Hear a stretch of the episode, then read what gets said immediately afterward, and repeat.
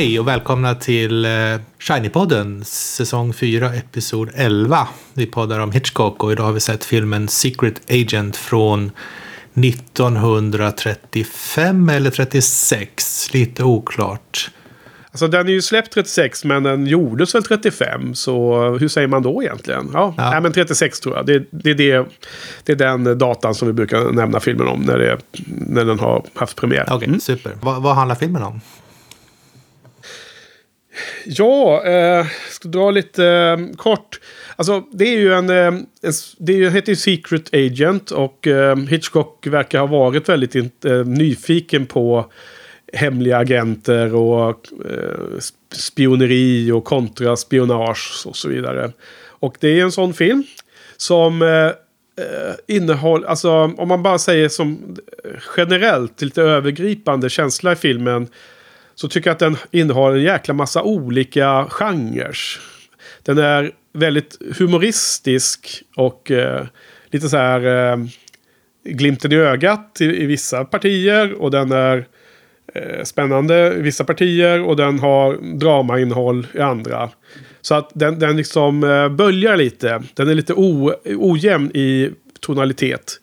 Eh, I första halvan så får jag nästan en känsla av att det är lite som en tidig variant som, som är så likt en Bond-film nästan. Med en hjälte som går omkring på kasinon och har vackra damer på, på sin arm och liksom är cool och smart, smartast i rummet och allt det där.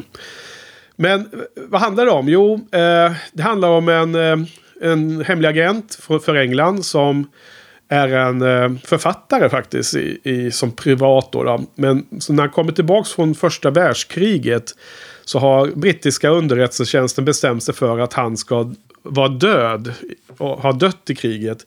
Så att de kan använda honom som en hemlig agent som går inkognito. Och han får uppdrag, och och det här är då mellankrigstiden, mellan första och andra världskriget. Då. Eh, lite oklart exakt vilket år, men, men det verkar som att det är ungefär samtida med att filmen gjordes. För att det är liksom tyskarna och inför andra världskriget som jag förstår det som.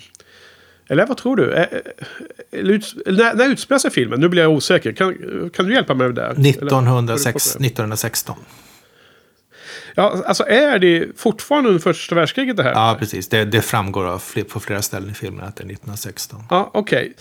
Ja, precis. För att det var det jag också trodde först. Men sen så blev det som liksom en slutsats i huvudet att jag tyckte att det såg ut som att flygplanen i slutet var från andra världskriget. Men jag måste ha tänkt helt fel där.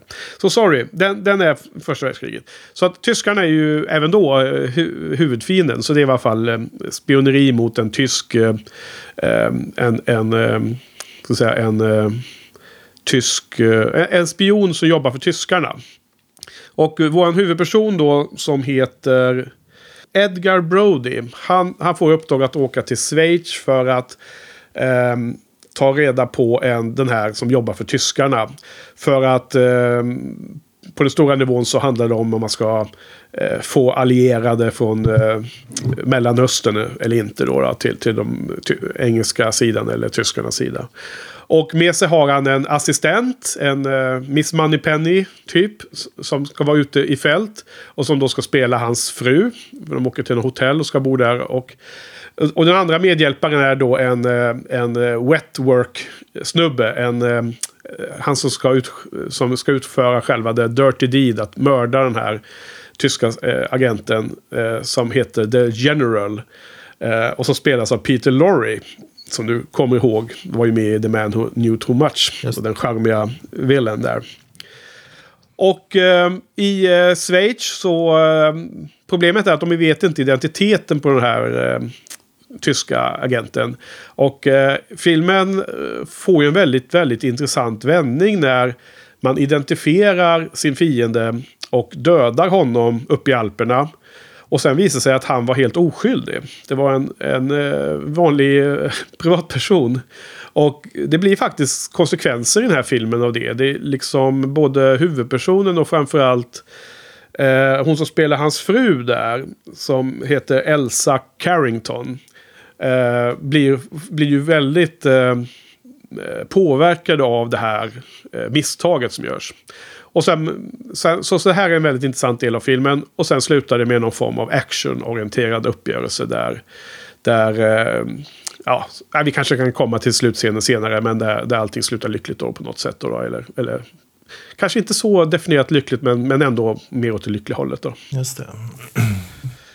Lite rörigt, men så, så, så känns det som att, en, att en handlingen på, på hyfsat hög nivå skulle kunna beskrivas. Ja, ja det, det är väl en lite rörig film. Framförallt i av, avseendet att det är svårt, svårt som tittare att förstå vad det är man är ute efter, vad man ska hoppas på ska hända. I början, eller långt in i filmen, så förstår man inte huruvida det går ut på att identifiera den här tyske spionen. Det vill säga att det är någon slags Alistair MacLean-drama där det är en av huvudpersonerna och det gäller att lista ut vem det är. Eller om den här, det avsikten är att den här tyske spionen alltid ska vara någon som man inte ser och det går ut på huruvida de ska hitta honom. Förstår vad jag menar? Det, jag, jag tyckte det var väldigt oklart vad, vad det är man, man letar efter. Du, du menar att filmen skulle kunna antingen att hjältarna hittar spionen och dödar honom. Eller att filmen bara handlar om att hjältarna ska lyckas hitta spionen och att det sen lämnas lite öppet. Eller hur menar Nej, jag menar, är, går det ut på att man ska förstå att spionen är en av figurerna som förekommer i filmen? Alltså en av huvudpersonerna? Aha. Eller går det ut på att det gäller att hitta någon, någon person som man inte, inte kommer att få se förrän han hittas? Det, det, det tyckte jag var oklart. Ja. För, för att en bit in på filmen så börjar man förstå att det måste vara en av huvudpersonerna. Men det har inte riktigt... Det har inte, problemet har inte presenterats på det sättet. Så att man, det, det, det, kändes, det kändes rörigt helt enkelt. Ja, eh, det är ju inte lustigt nu när vi börjar se, börjar ha sett flera Hitchcock-filmer och börjar se strukturer så, så introduceras ju skurken väldigt tidigt i filmen. Eh, precis som i eh, The Man Who Knew Too Much från 1934. Just. Och precis, precis som i The 39 Steps från förra veckan så in, där introduceras ju inte skurken men däremot Mr. Memory som var en del av skurkens plott. Så att, och precis i den här filmen så är det då han som heter Marvin som är den här eh, Playboy-aktiga snubben som håller på och flörtar hejvilt med eh, eh, Carol eller vad hon nu hette här va. Eh, vad hette det? Nej, Elsa. Eh, och ehm, eh, eh, som, jag vet inte vad, vad, du tyckte om honom, men det, var, det är ju han som är den här tyska agenten i alla fall. Så det verkar vara någon amerikanare som spelar för båda sidorna. Eller eh, som, ja. Ja, precis. Är, han, är på tyskarnas sida i alla fall. Han pratar med en väldigt överdriven amerikansk accent. Så det ska vara väldigt tydligt, övertydligt att han är amerikan och inte britt känns det som. Ja. Men, eh, jag, jag tar fel på hennes... Ja, ja jag får säga. Men vad, men vad tyckte du? Okej, okay, ja. Nej, men det, det, jag håller med. Det, det, jag håller med. Till skillnad från de andra två filmerna som vi har pratat om de senaste två veckorna så är det ju eh, mycket, mycket sämre etablerat vad den här filmen handlar om. Det håller jag helt med om. Det, det är en annan grej också är att det, huv, det huvudpersonen ska göra är ganska eh, omoraliskt. Han, han, ska, han, ska åka ihjäl och ha, han ska åka och ha ihjäl en person. Och inte, det är inte bara omoraliskt utan han är ju helt, helt ovillig att göra detta. Så han har med sig den här, den här uh, som Peter Lorre-karaktären som ska vara någon slags spanjor, spanjorsk, spansk uh, massmördare med ett oändligt långt namn.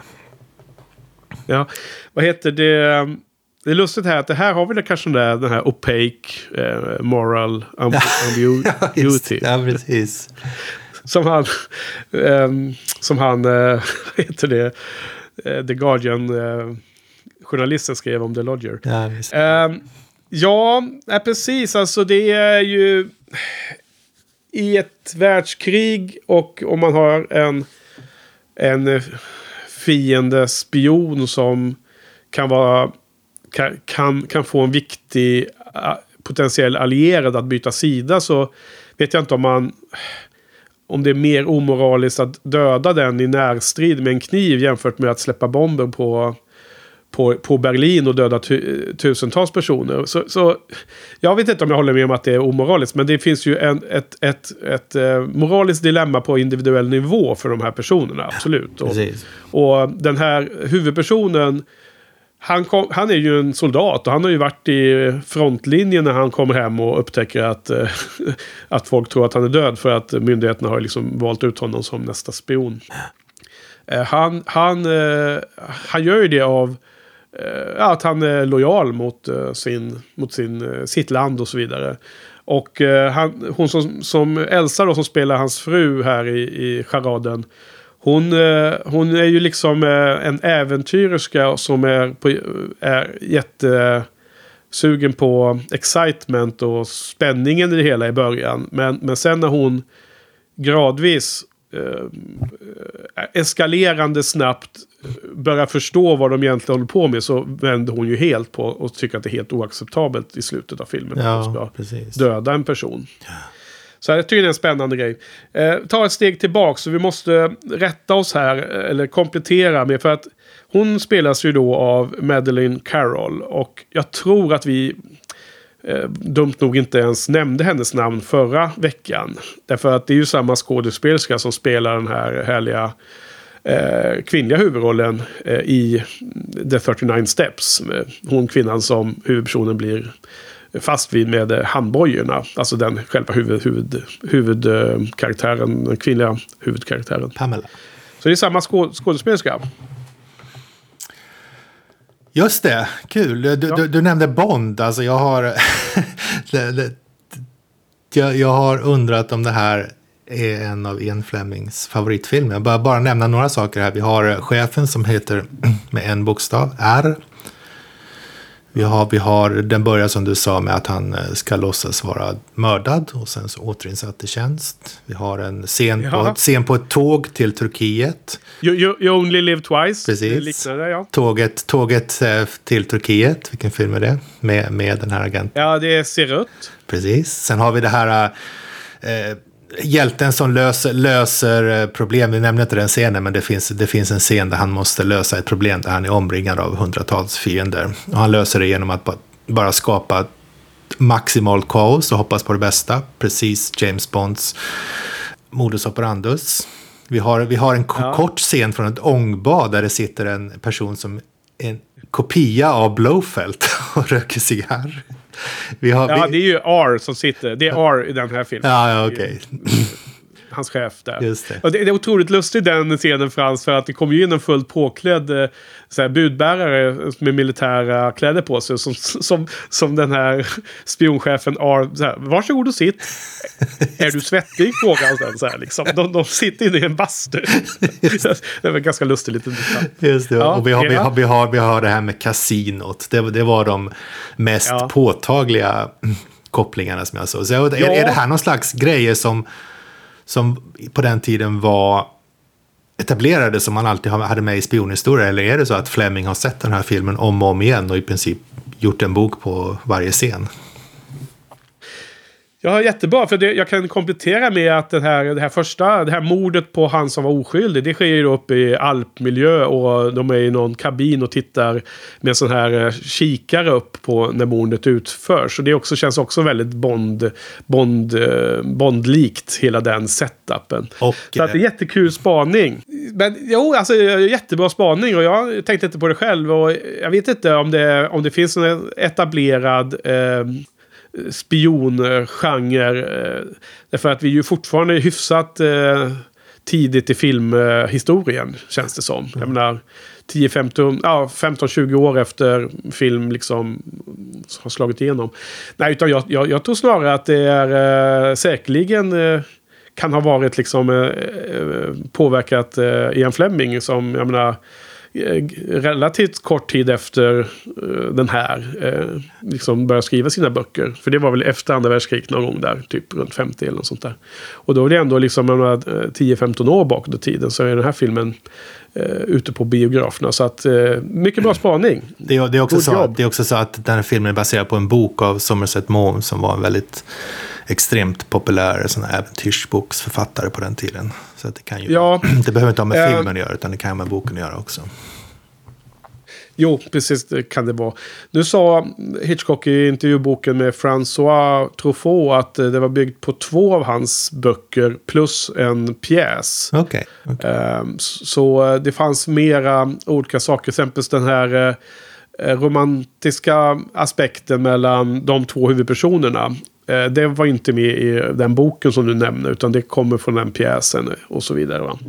Så att det var lite blandat där. Uh, nej men jättekul. Det, det, det, då, då, har du också gjort den där kopplingen till Bond, precis som jag skrev här i mina notes. Uh, Ja, precis. Och, alltså, det, vad kul. det är nästan så att först tänker man att fan, är det här någon slags Bond-parodi? Eller tills man kommer på att den är gjord långt innan, innan Bond. Ja, precis. Ja, en Bond-pastisch Ja, precis. Alltså, gener generellt sett så måste jag säga att filmen är i sin struktur och sin, eh, hur den är upplagd och hur, hur effektivt berättande det är svagare än de två filmerna vi har pratat om ny, all, ja, nu senast. The 39 Steps och The Man Who Knew Too Much. Men det finns andra saker som jag tycker nästan att den här filmen är starkare på. Och, och en sak är att det är ju, väldigt bra skådespelarensemble. Ja. Ehm, den här... ehm, eh, dels har vi hon Madeleine Car- Carroll som då var med också i The 39 Steps. Och hon är lika, väldigt bra här. Sen är ju Peter Lorre som spelar den här eh, mexikanen, The General. Som är, alltså han är ju helt underbar. Det är, det är som filmens stjärna. Alltså vilken jäkla hjälte han är. Peter Lorre att se. Sen, sen har vi då John Gielgud eh, som spelar huvudpersonen. Och jag bara känner igen namnet, men känner inte igen ansiktet. Men om man slår på honom och tittar på honom när han ser äldre ut. Då, då är det ju den gamla skådespelaren, alltså ansiktet på den, på den gamla skådespelaren som jag har sett tidigare. Som är, det, är ju, det är ju den skådisen som man känner igen namnet för. Men här som ung så han, är ju, han ser helt annorlunda ut. Ja. Eh, den, här, den här skådespelaren, eh, John Gielgud, i gammal version då, som på 70-80-tal.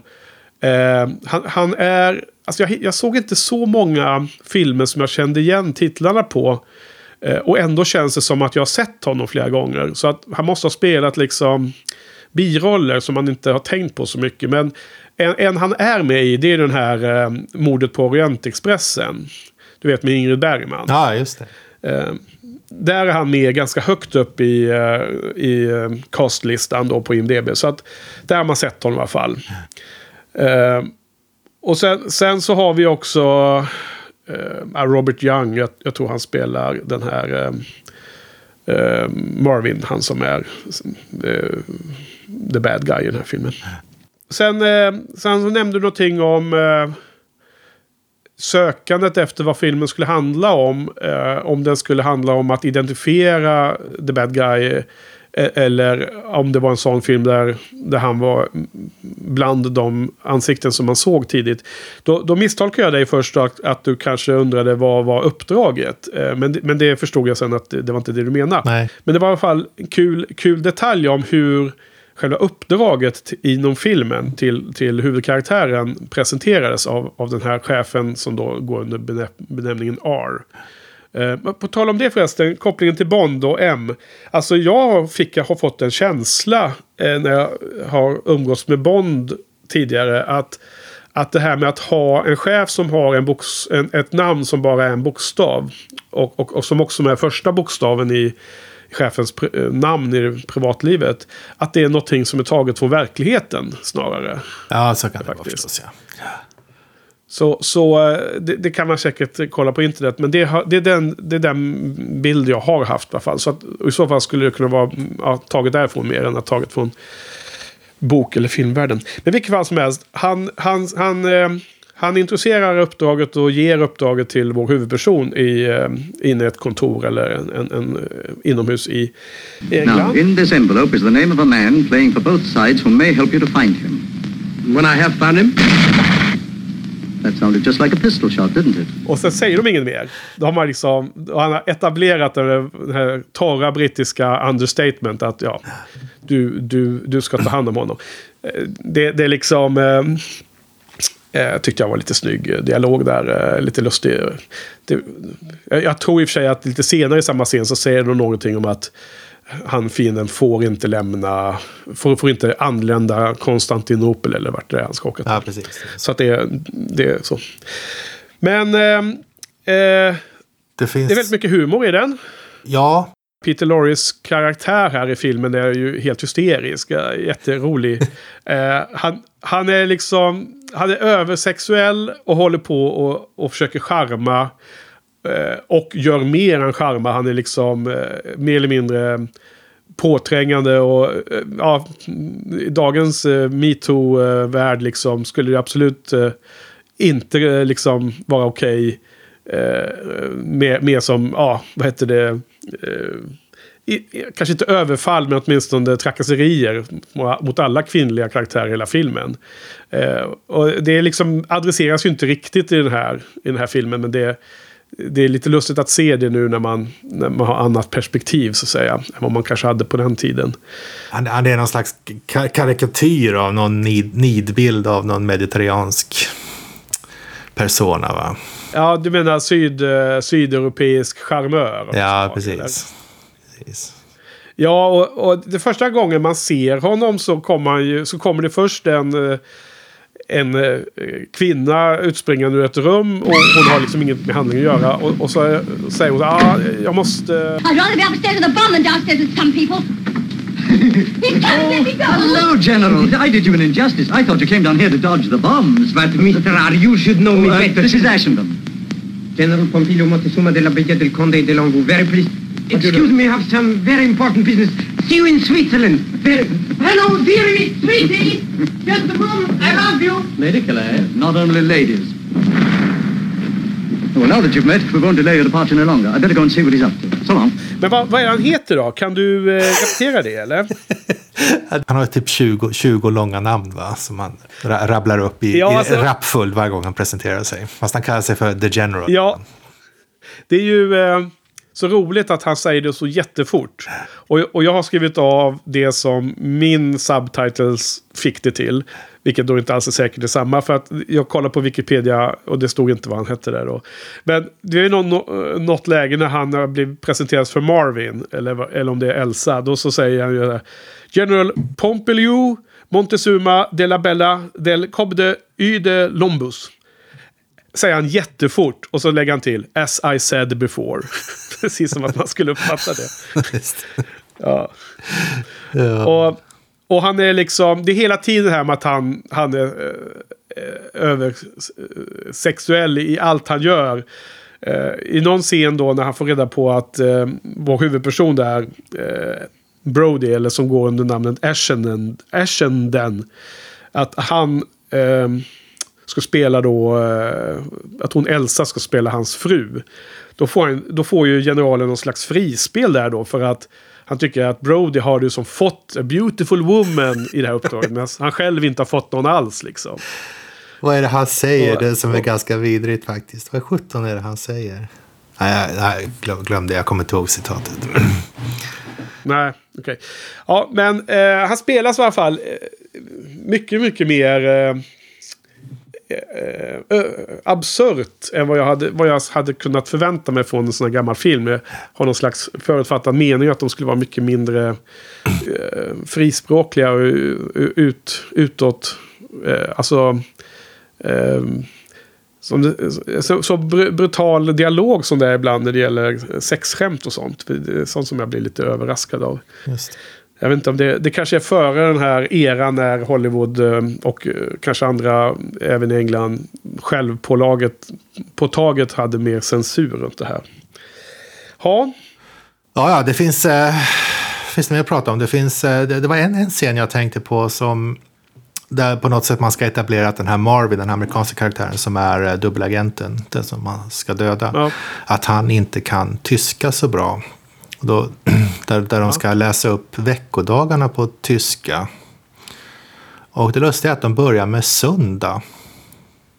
ja, Och det, det påminner om på, på jobbet när man ska fylla i tidsrapporter via något amerikanskt system. Så precis på samma sätt, att det bör, veckan börjar alltid med söndag. Så i princip varenda vecka så gör man fel och får göra om. För att man, man tycker alltid att man, man skriver alltid den första rutan på måndag och sådär.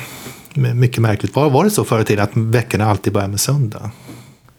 Ja, men det är ot- otroligt sammanträffande här, för att eh, jag käkade lunch med Jojje i veckan. Eh, och då pratade vi om precis samma sak. Jaha. Inte, inte på grund av den här filmen utan på grund av att eh, ja, vi kom in på den på ett annat sätt. Liksom. Att, eh, för oss börjar ju veckan självklart på måndag. men i USA verkar den börja på söndag. Ja. Eh, men hur, hur är det i England idag, 2018? V- vilken dag börjar veckan i England som du Måndag. bor i? Måndag. Okej. Nej, men jag vet inte varför det är så här. Alltså, ehm, först och främst, är det så i USA fortfarande att den börjar på söndag? Eller är det bara någon, någon grej som är i eh, ja, Windows och Outlook och sånt? Eller? Ja, men varför skulle det vara så i Windows och Outlook och vårt tidrättsrapporteringssystem om det inte, om det inte fortfarande är så i USA? Jag antar att det fortfarande är så. Det, det, det, här, det här filmen kanske då visar på att det är något gammalt brittiskt som har hängt kvar i USA men inte här i Europa. Ja. Ja, det är väl i alla fall överraskande. Och det, det var ungefär det vi också kommenterade. Att, vi, att man inte riktigt visste och, och man undrade lite. Nej. Ja, Det är en annan lustig grej är att det är ganska många scener där man förväntas kunna lä läsa gammaldags skrivstil. liksom, eh, förståelsen av handlingen bygger på att man ska läsa en handskriven not som det zoomas in på. som, som jag tycker Ja, ofta är helt är ju, omöjliga eh, att läsa. Det är lite svårt när... Eh, oavsett om ljudet var okej så är ju faktiskt bilden ganska grynig. Och tillräckligt grynig för att den liksom blir ännu mer suddig om man pausar.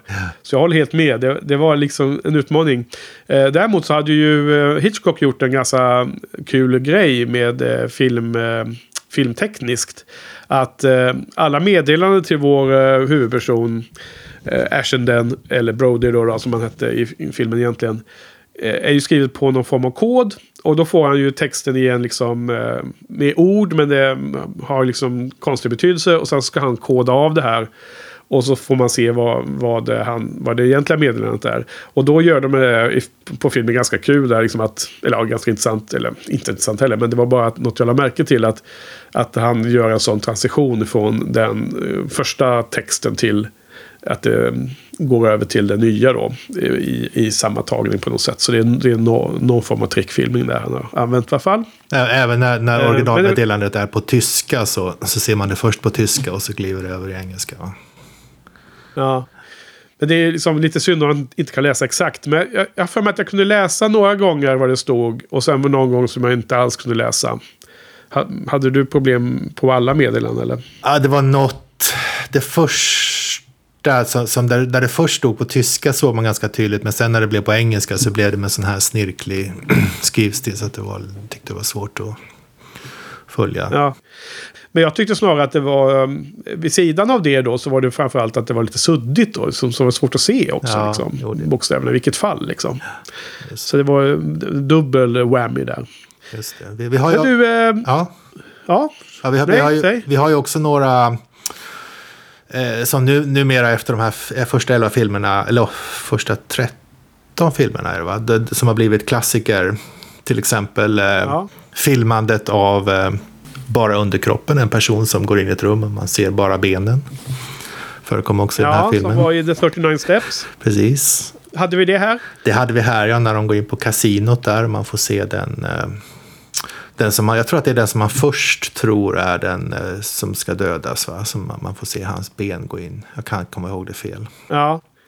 Och jo, precis. Det är han som äger hunden ju. Precis. Som, som är med en liten eh, detalj. Och det är ju honom de dödar. För att de, han, han är ju bara en... Eh, han bor på hotellet där i Schweiz.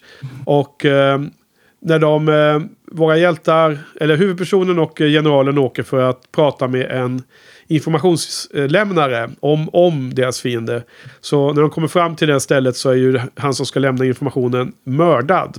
Och i, hans hand, i den dödes hand ligger en, eh, en knapp från en kavaj. Och då, och då tänker de ut så här att den som har en kavaj som eh, saknar en sån här knapp, det, det är våran eh, fiende. Och sen så råkar det vara så att den här brittiska turisten har sådana knappar på sin kavaj och det saknas en. Så att då är det liksom 100% säkert, det där är våran fiende. Men tyvärr vi- visade det sig att det var ju liksom en generell knapp och det var tydligen fler, fler som kunde ha förlorat knappar i sina kavajer. Så att efter att de har haft ihjäl honom senare på den här alpscenen då uppe i, bergen. Så, eh, ja, så får de reda på att det var en oskyldig man. Just det. Den, där, Men, den här eh, knappscenen förresten, när, när de är på kasinot där så tar han ju fram den här knappen och kastar in den på, på på roulettebordet va, lite nonchalant. Som att han sat, Ja. satsar knappen. Är, är inte det också förresten en scen från en Bond-film? Där Bond tar fram, vad det nu, jag kommer inte ihåg exakt vad det är, om det är något smycke eller någonting som tillhör som han vet tillhör en oidentifierad skurk och slänger ut den på ett eh, spelbord. Jag, jag, ser, jag, ser, Ja. jag ser det framför mig nu att det är identisk scen faktiskt.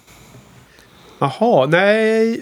nej, Det kommer inte jag. Jag kan, kan inte riktigt komma ihåg det just nu då. då. Ja, jag, Den, ska, den, den frågan får vi kasta ut. Den får vi kasta ut till Patrik att gå in och besvara här i kommentarerna på shinypodden.se. Absolut. Eh, våran eh, absolut. resident Bond-expert Patrik får besvara den. Precis. Eh, hela, hela den där scenen på um, Casino tycker jag är ganska kul därför att ehm, en, ett udda inslag under filmens första halva är ju att ehm, Elsa, eller Elsie eller vad hon nu hette. hon, Elsa heter hon, hon ska ju spela frun till Ashenden. Men, men ändå så flört, låter hon ju Marvin, den här, han som pratar med amerikansk dialekt, eh, flörta med henne hej vilt. Och det känns lite som att väldigt udda att det skulle vara så...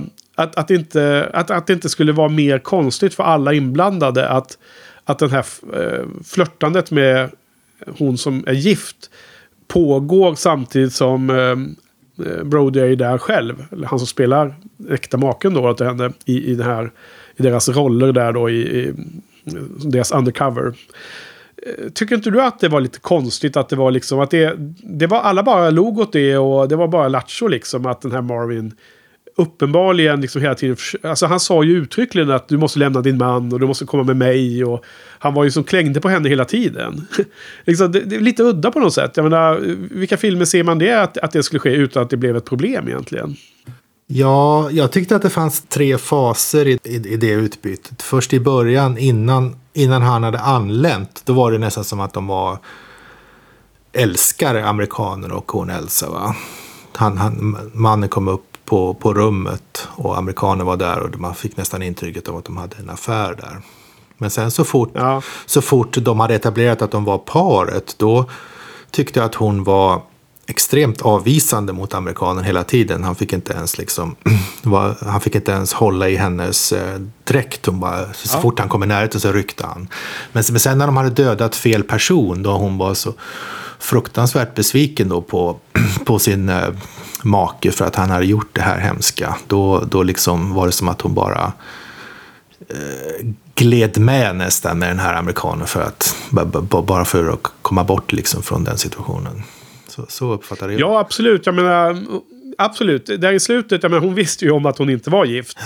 Men, men grejen är att hon, hon säger ju det så att vi, vi, vi tittare ska inte ha någon tveksamhet om det. Att hon, hon spelar ju en roll för att det är uppdrag från, från hennes chef. Att hon ska vara, spela fru.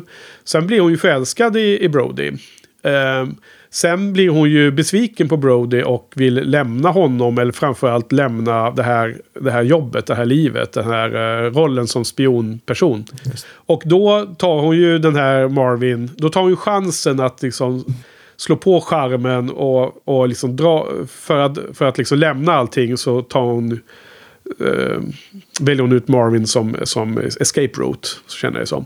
Eh, Men hon har ju kvar känslor för Brody då. Men, eh, och jag, jag håller med. Precis det du beskrev var ju liksom så som man också uppfattade. Men jag bara, bara, bara tyckte att oavsett vad hennes liksom incitament i varje fas var. Så, så var det ändå liksom en slags eh, hur... hur eh, hur dialogen var och att det liksom inte, att det inte ingick i deras eh, undercover att, att liksom eh, den äkta maken skulle bli mer upprörd om en, en okänd person bara liksom, en annan man bara flörtar med hans fru så mycket. Ja. Det, det, det var liksom som att han Brody kanske inte brydde sig så mycket för, innan han själv blev förälskad i henne. Men, men för att upprätthålla sin, sin undercover så borde han ju liksom reagera annorlunda. Det var det jag, jag var lite störd på. Ja. Men, men eh, den här scenen sen när de går på eh, kasinot var ju väldigt bra. Och, eh, också, det är ju oftast bra i Bond också. Så att det, det, likheterna är slående där. Eh, de, de går omkring och har ju varit, varit på en liten utflykt på dagen. Och då är ju alla klädda i kostymer. Och sen ska de gå på kasinot och då säger de nej men vi är alldeles för underklädda. För att på ka- ka- kasinon så går man i smoking. Liksom. Visst, det var lustigt. Eh, och, och, och, och sen när den här mannen som de senare dödar, som är oskyldig, han kommer ju in där för att leta efter sin hund och du vet det här där du beskrev när man fick se hans ben. Då är han ju där, kommer han in på kasinot i, i, bara i kostym och alla andra har smoking. Och så säger de så här, ska vi inte gå iväg och ha lite efterfest eller vad de säger? Och då, och då så tycker han så här, nej men jag är alldeles underklädd, jag kan inte ha fest i de här kläderna. Igen då. Men, men eh, innan, innan Brody har kommit in på kasinot så går ju den här Marvin med då Elsa. Och då så, eh, Eh, som du var inne på lite där då, då försöker han ju liksom... Eh, eh, han vill hålla om henne och liksom skrida in där genom salen som om de är ett par. Och hon, hon hela tiden eh, tar bort hans hand och så. Först är handen på axeln och då bara hon liksom glider ner med sin axel så att han, handen för, går av. eh, Som ramlar ner. Och sen så håller han liksom handen, sin vänsterhand mot hennes högerhand. Och då tar hon sina vassa naglar och bara trycker ner dem i, på, på handryggen. Så att han liksom, aj!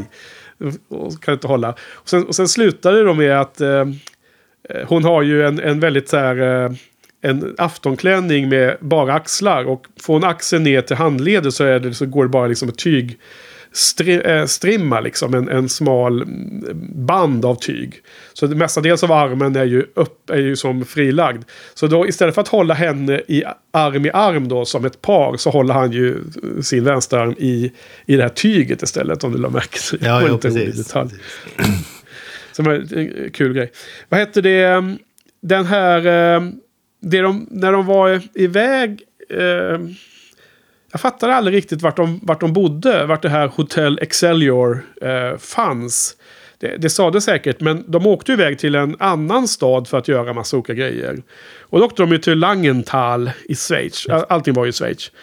Så var det något ställe som vi åkte förbi när vi var på tågsemester i Schweiz för några år sedan? Du och jag. Eh, Tänkte du på det eller? ja, eller jag, jag tänkte att det där ska jag kolla upp. Men sen gjorde jag aldrig det. Nej, men det gjorde jag lyckligtvis. Ja, vad bra. Eh, nej, jag, jag kollar på, kartan och det ligger då 50 kilometer eh, eh, bredvid Luzern som vi var i. Okej. Och, och det här ligger liksom väst-nordväst. Så ungefär klockan t- 10 på, på en urtavla i riktning ifrån Luzern. Eh, så Luzern kom vi ju till när vi åkte båt va, över den sjön. Precis. Efter den långa tågresan som vi har varit ner och svängt i Italien. Va? Alltså upp igen. Precis. Eh, Det var- Visst var det så? Luzern va? Det var mot slutet av resan där. Ja, precis. Just det. Nej, för vi, var ju, vi, vi åkte ju eh, på ett eh, eh, tåg i Schweiz som en semester där man åkte ett antal av de här namngivna tågrutterna som är liksom typ eh, kända. Eh, men vad, kommer du ihåg vad de hette? Eller det står helt still i huvudet på mig. Ja, den sista sträckan som gick till Luzern hette ju Wilhelm Tell Express. Va? Just det. Så fanns det ju glaci- sen det glaciär, väl- glaciärexpressen Ja, som Gl- inte längre gick på en glaciär utan mest i tunnlar.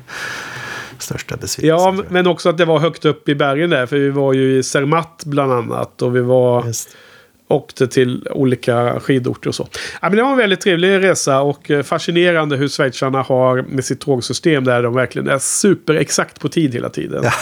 Man jämför med det här eländet i Sverige med signalfel hela tiden. Ja, och paniken, kommer du ihåg det? När, när det var...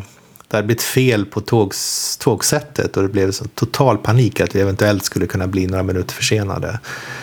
Och sen, men, men sen, sen, det, det hade varit en sån situation som i vilket annat land som helst hade inneburit åtminstone 5-6 timmars försening. Men här, här, här var det panik för att det skulle kunna bli ett par minuter. Men, men de löste ju det såklart.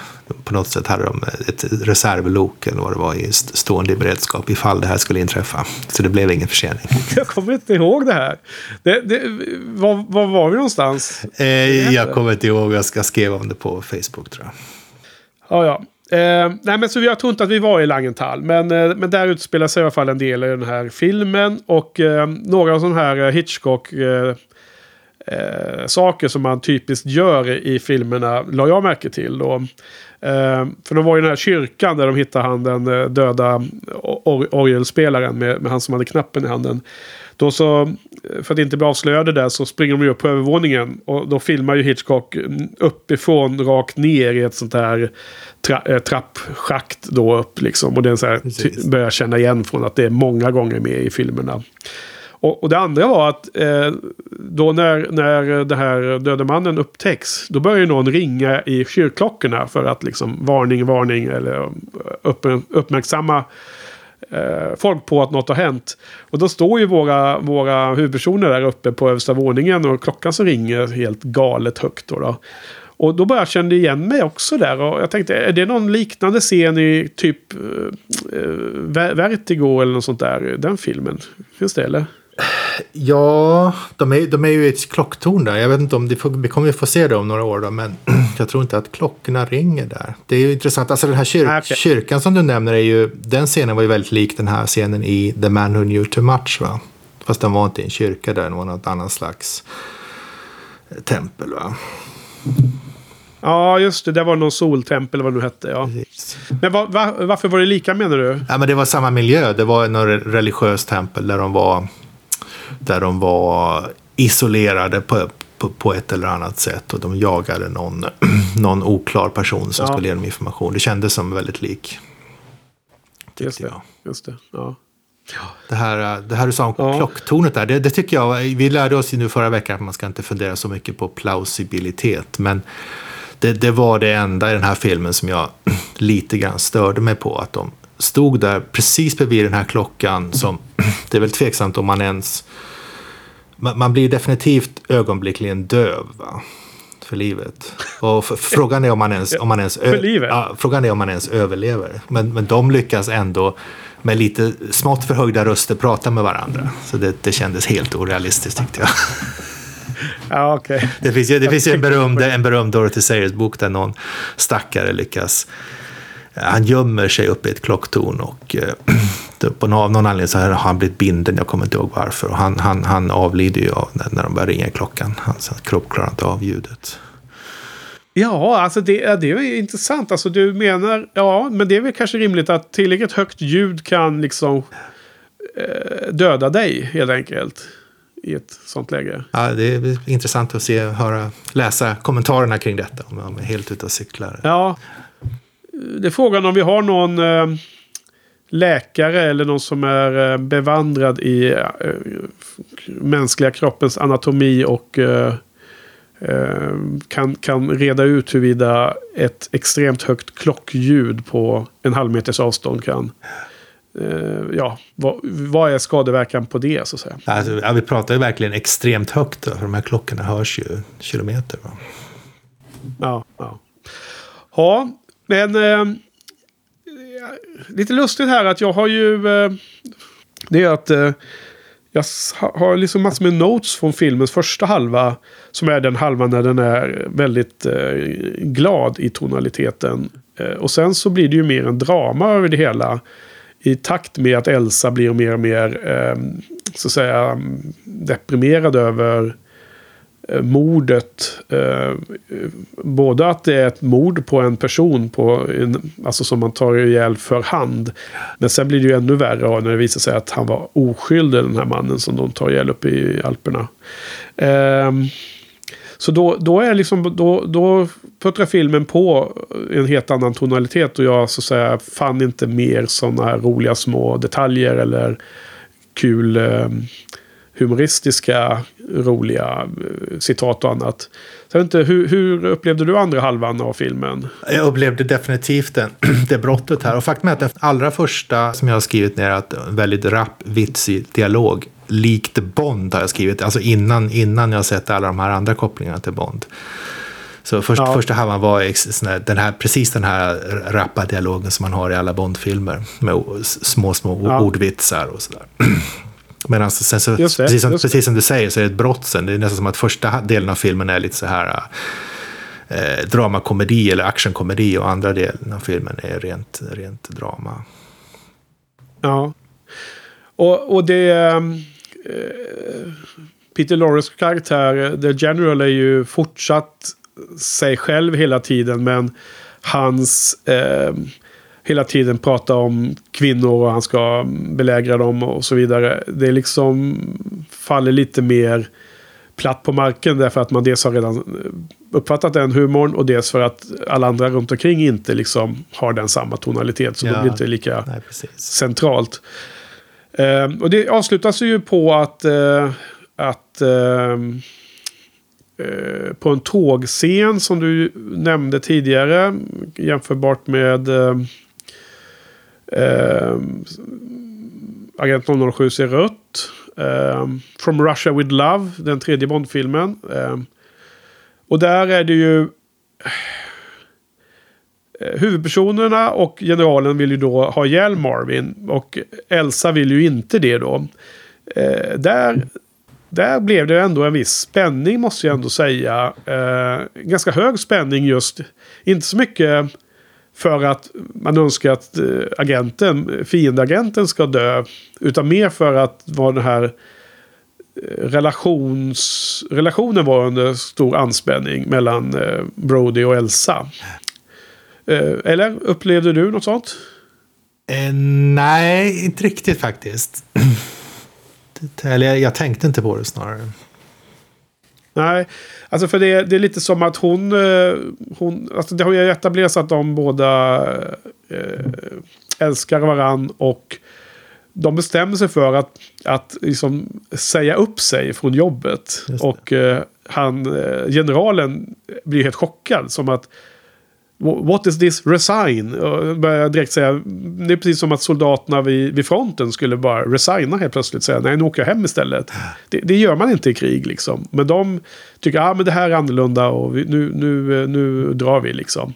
Men, men sen får ju Brody igen nys på vem det är och då så på något sätt får han förnyad eh, energi och, och, och förnyat inser att Marvin är nu på tåget på väg till till eh, Konstantinopel där han absolut inte får anlända. Så vi måste ändå göra det här jobbet. Liksom. Så han kastar sig på tåget och då har ju Elsa också gått på tåget.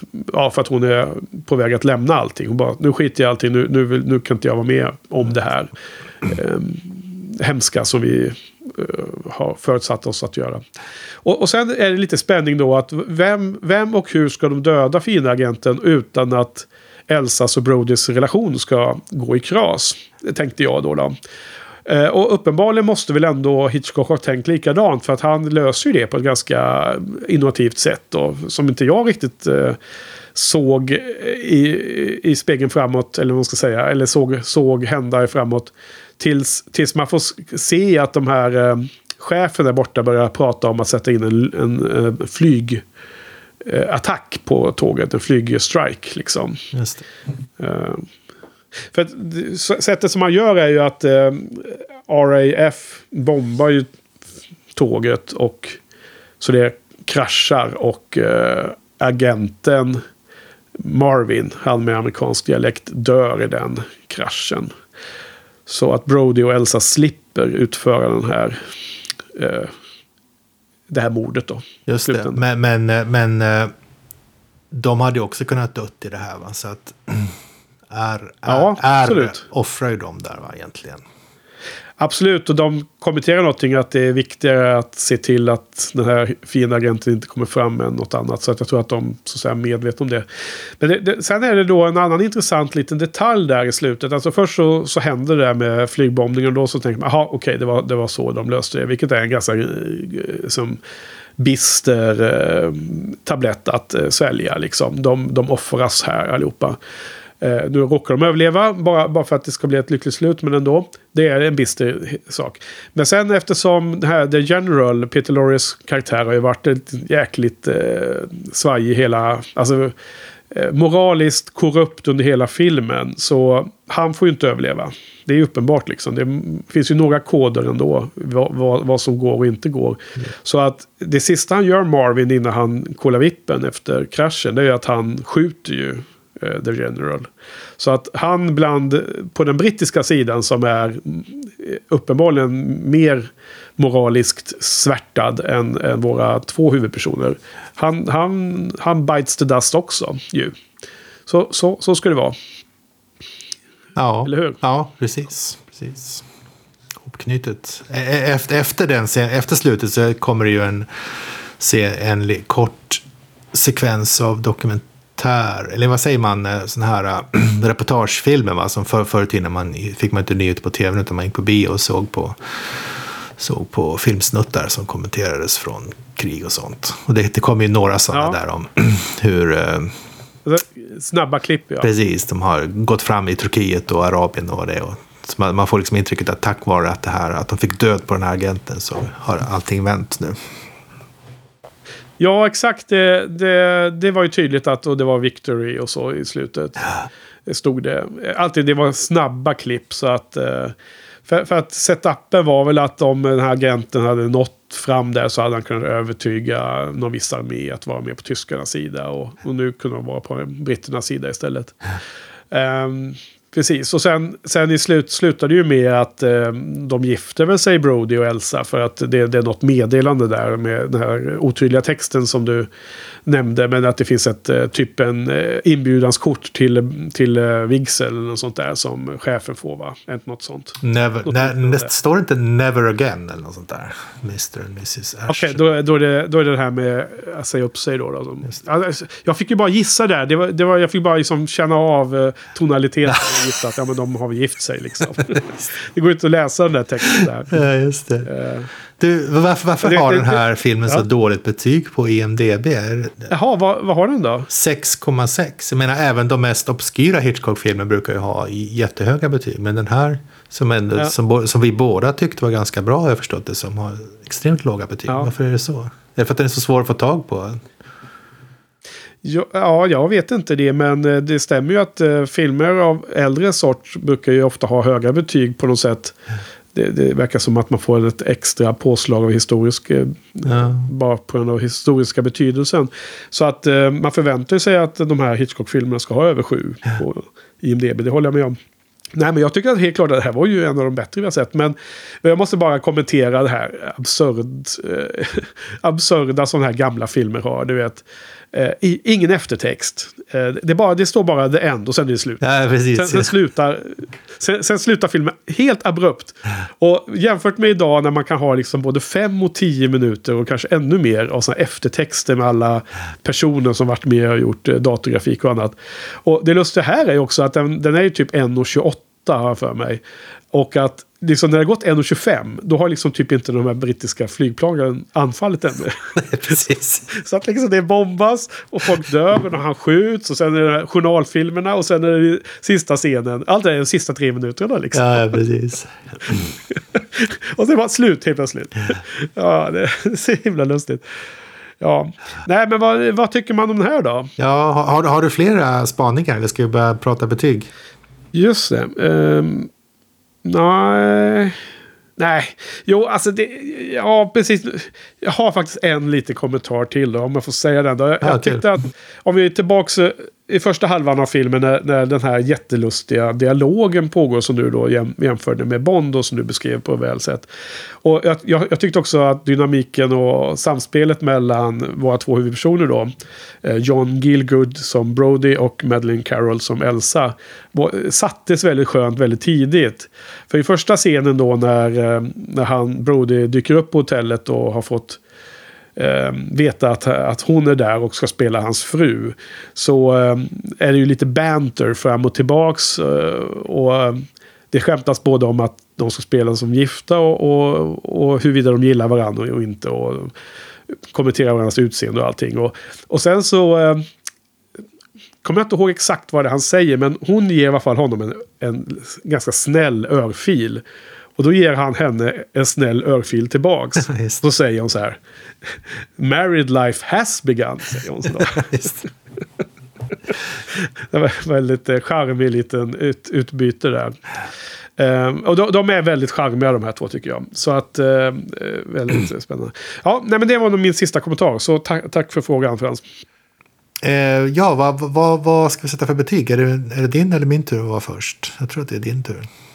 Det är kanske är din, din tur, eller? Kanske min tur. Okej, jag ger den här två och en halv. Den, det kanske är lite högt, men jag tycker, det, jag tycker att den är en, ro- en rolig film på det stora hela. Ja. Ja, jag måste säga att eh, det som drar ner är eh, kvaliteten på versionen som jag har sett. Eh, jag hade hellre sett den på, med, med bättre utgåva som jag gissar att det finns. För jag, jag har läst om att det finns schyssta. På DVD i alla fall. Så att, men om jag ska försöka sortera bort det ur betyget så skulle jag sätta tre på den här faktiskt. Mm, härligt. Den är tillräckligt bra Mycket härligt. för att motivera trean. Mm. Och det här är en av de bättre eh, tre, fyra filmerna vi har sett nu känns det som. Ja, vad kul. Hittills. Ja, det, det gör det ja. ännu mer svårbegripligt att den har fått så himla lågt betyg på IMDB. Om det är någon som har några tankar kring det vore det kul att höra. Ja. Ja. Du, eh, jag börjar blicka framåt redan här. Och nästa vecka så ska vi se ytterligare en film från 1936. Eh, han jobbar ju, han gjorde ju så att säga ganska mycket film och vissa år var det två filmer per år. Så det här är sa, samma releaseår då. då. Och eh, det är en film som heter Sabotage. Precis. Och eh, den har också släppts under namnet The Woman Alone. Jag vet inte om det är skillnad mot eh, att den eh, hade det namnet i USA eller något sånt där. Eh, vad heter det? Det är en ganska kort film. 76 minuter lång. Så det, och det här tror jag är ganska känd den här filmen. Och jag har i alla fall hittat den på Blu-ray och köpt den eh, på en, en, en, en utgåva med bara den filmen. Bara en, en Blu-ray-film så att säga. Inte någon box eller något sånt där. Och jag ser här direkt på Wikipedia på tal om betyg och sådana saker att den eh, eh, på Rotten Tomatoes har den 100%. Är, är det bra? All, alla... Ja, ja, ja. Det är ju en... Eh, procenttal, alltså Rotten Tomatoes har ju betygssystem som är lite annorlunda. Det är inte så här 5 eller 10 grader skala. Utan det är antalet recensent, recensioner som är eh, mer positiva än negativa. Så räknar man antal procent på det. Då, då. Så an, antingen är man då rotten eller fresh. Det är bara binärt. Och då så räknar man antal då som är över någon ja, viss bedömning. Exakt hur det går till vet jag ej, men de, de har liksom som 100% av alla recensioner är mer positiva än negativa på något sätt.